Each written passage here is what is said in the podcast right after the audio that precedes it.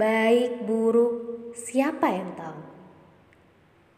Di sebuah kerajaan tinggallah seorang raja yang suka berburu. Suatu hari, ketika sedang berburu, jari tangannya terluka. Tabib yang menyertainya melihat dan memeriksa luka itu, lalu memperban luka tersebut. Dan raja bertanya kepada tabib, "Bagaimana luka ini?" Tabib tersebut menjawab pertanyaan raja. Baik, buruk, siapa sih yang tahu? Sekembalinya raja di istana, ia melihat lukanya bertambah buruk. Tabib kemudian memberikan salep pada luka itu. Raja lalu berkomentar, lukanya terlihat buruk. Lalu tabib berkata, baik, buruk, siapa sih yang tahu? Beberapa hari kemudian ternyata luka di jari raja semakin parah sehingga terpaksa jari tangan tersebut diamputasi. Dan sang raja sangat marah kepada tabib. Ia kemudian menjebloskan tabib ke dalam penjara. Rasakan itu, kata raja. Apa yang ada dalam pikiranmu? Tabib berkata, berada di dalam penjara, baik buruk, siapa sih yang tahu? Si raja berpikiran bahwa tabib ini gila.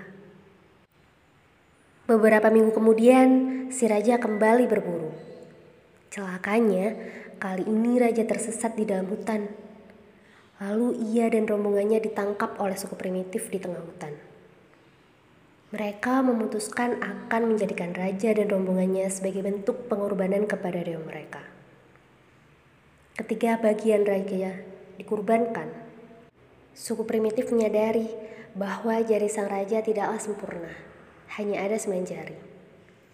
Orang-orang yang dijadikan kurban adalah orang yang sempurna fisiknya, sehingga sang raja akhirnya dibebaskan.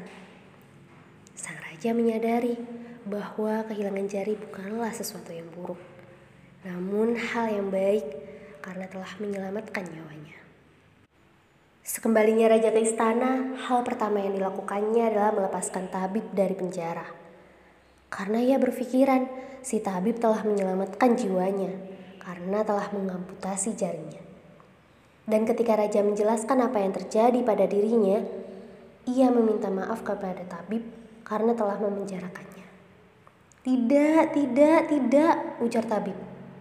Di penjara adalah suatu hal yang baik jika saya tidak di penjara, maka saya ikut berburu dengan baginda raja dan saya pasti ditangkap dan dijadikan kurban karena jari saya ada sepuluh. Dari cerita baik buruk siapa yang tahu, kita dapat mengambil pelajaran bahwa sesuatu yang menimpa diri kita hendaknya dihadapi dengan penilaian yang baik serta menerimanya dengan sabar.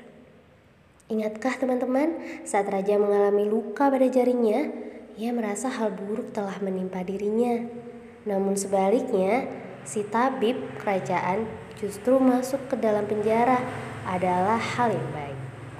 Terkadang sering kali kita bertindak demikian.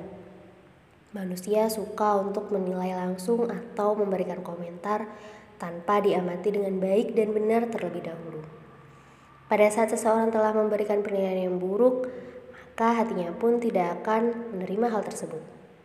Inilah yang sering kali menimbulkan stres dan membuat seseorang merasa tidak bahagia dalam hidupnya. Sebaiknya yang kita lakukan adalah sabar dalam menjalani prosesnya. Menerima dengan sepenuh hati sehingga tidak menilai buruk saat menerima suatu kejadian. Hal ini adalah salah satu bentuk dari mindfulness. Mindfulness merupakan kemampuan seseorang dalam berpikir fleksibel dan bersikap terbuka dengan hal atau peristiwa yang terjadi. Mengapa kita perlu melatih kemampuan tersebut? Karena mindfulness dapat membantu kita meningkatkan kesadaran dengan hal di sekitar kita. Membantu kita fokus kepada saat sekarang, membantu kita menilai suatu hal dari perspektif yang positif, membantu kita tidak berlebihan dalam bereaksi atau memberikan respon pada suatu hal. Apabila kita sudah memiliki kemampuan tersebut, maka kita akan dapat menemukan kebahagiaan yang ada di dekat kita. Seterusnya, kita dapat menghargai segala sesuatu dalam hidup kita termasuk masalah yang ada di dalamnya. Menjadi seorang dengan tingkat kesadaran penuh atau mindful memanglah tidak mudah. Hal itu membutuhkan waktu, fokus, dan kerja keras. Salah satu cara yang dapat kita gunakan untuk melatih dan meningkatkan mindfulness ialah dengan meditasi. Maka dari itu sekarang saya akan memandu teman-teman. Kita bersama-sama akan belajar mempraktikkan meditasi.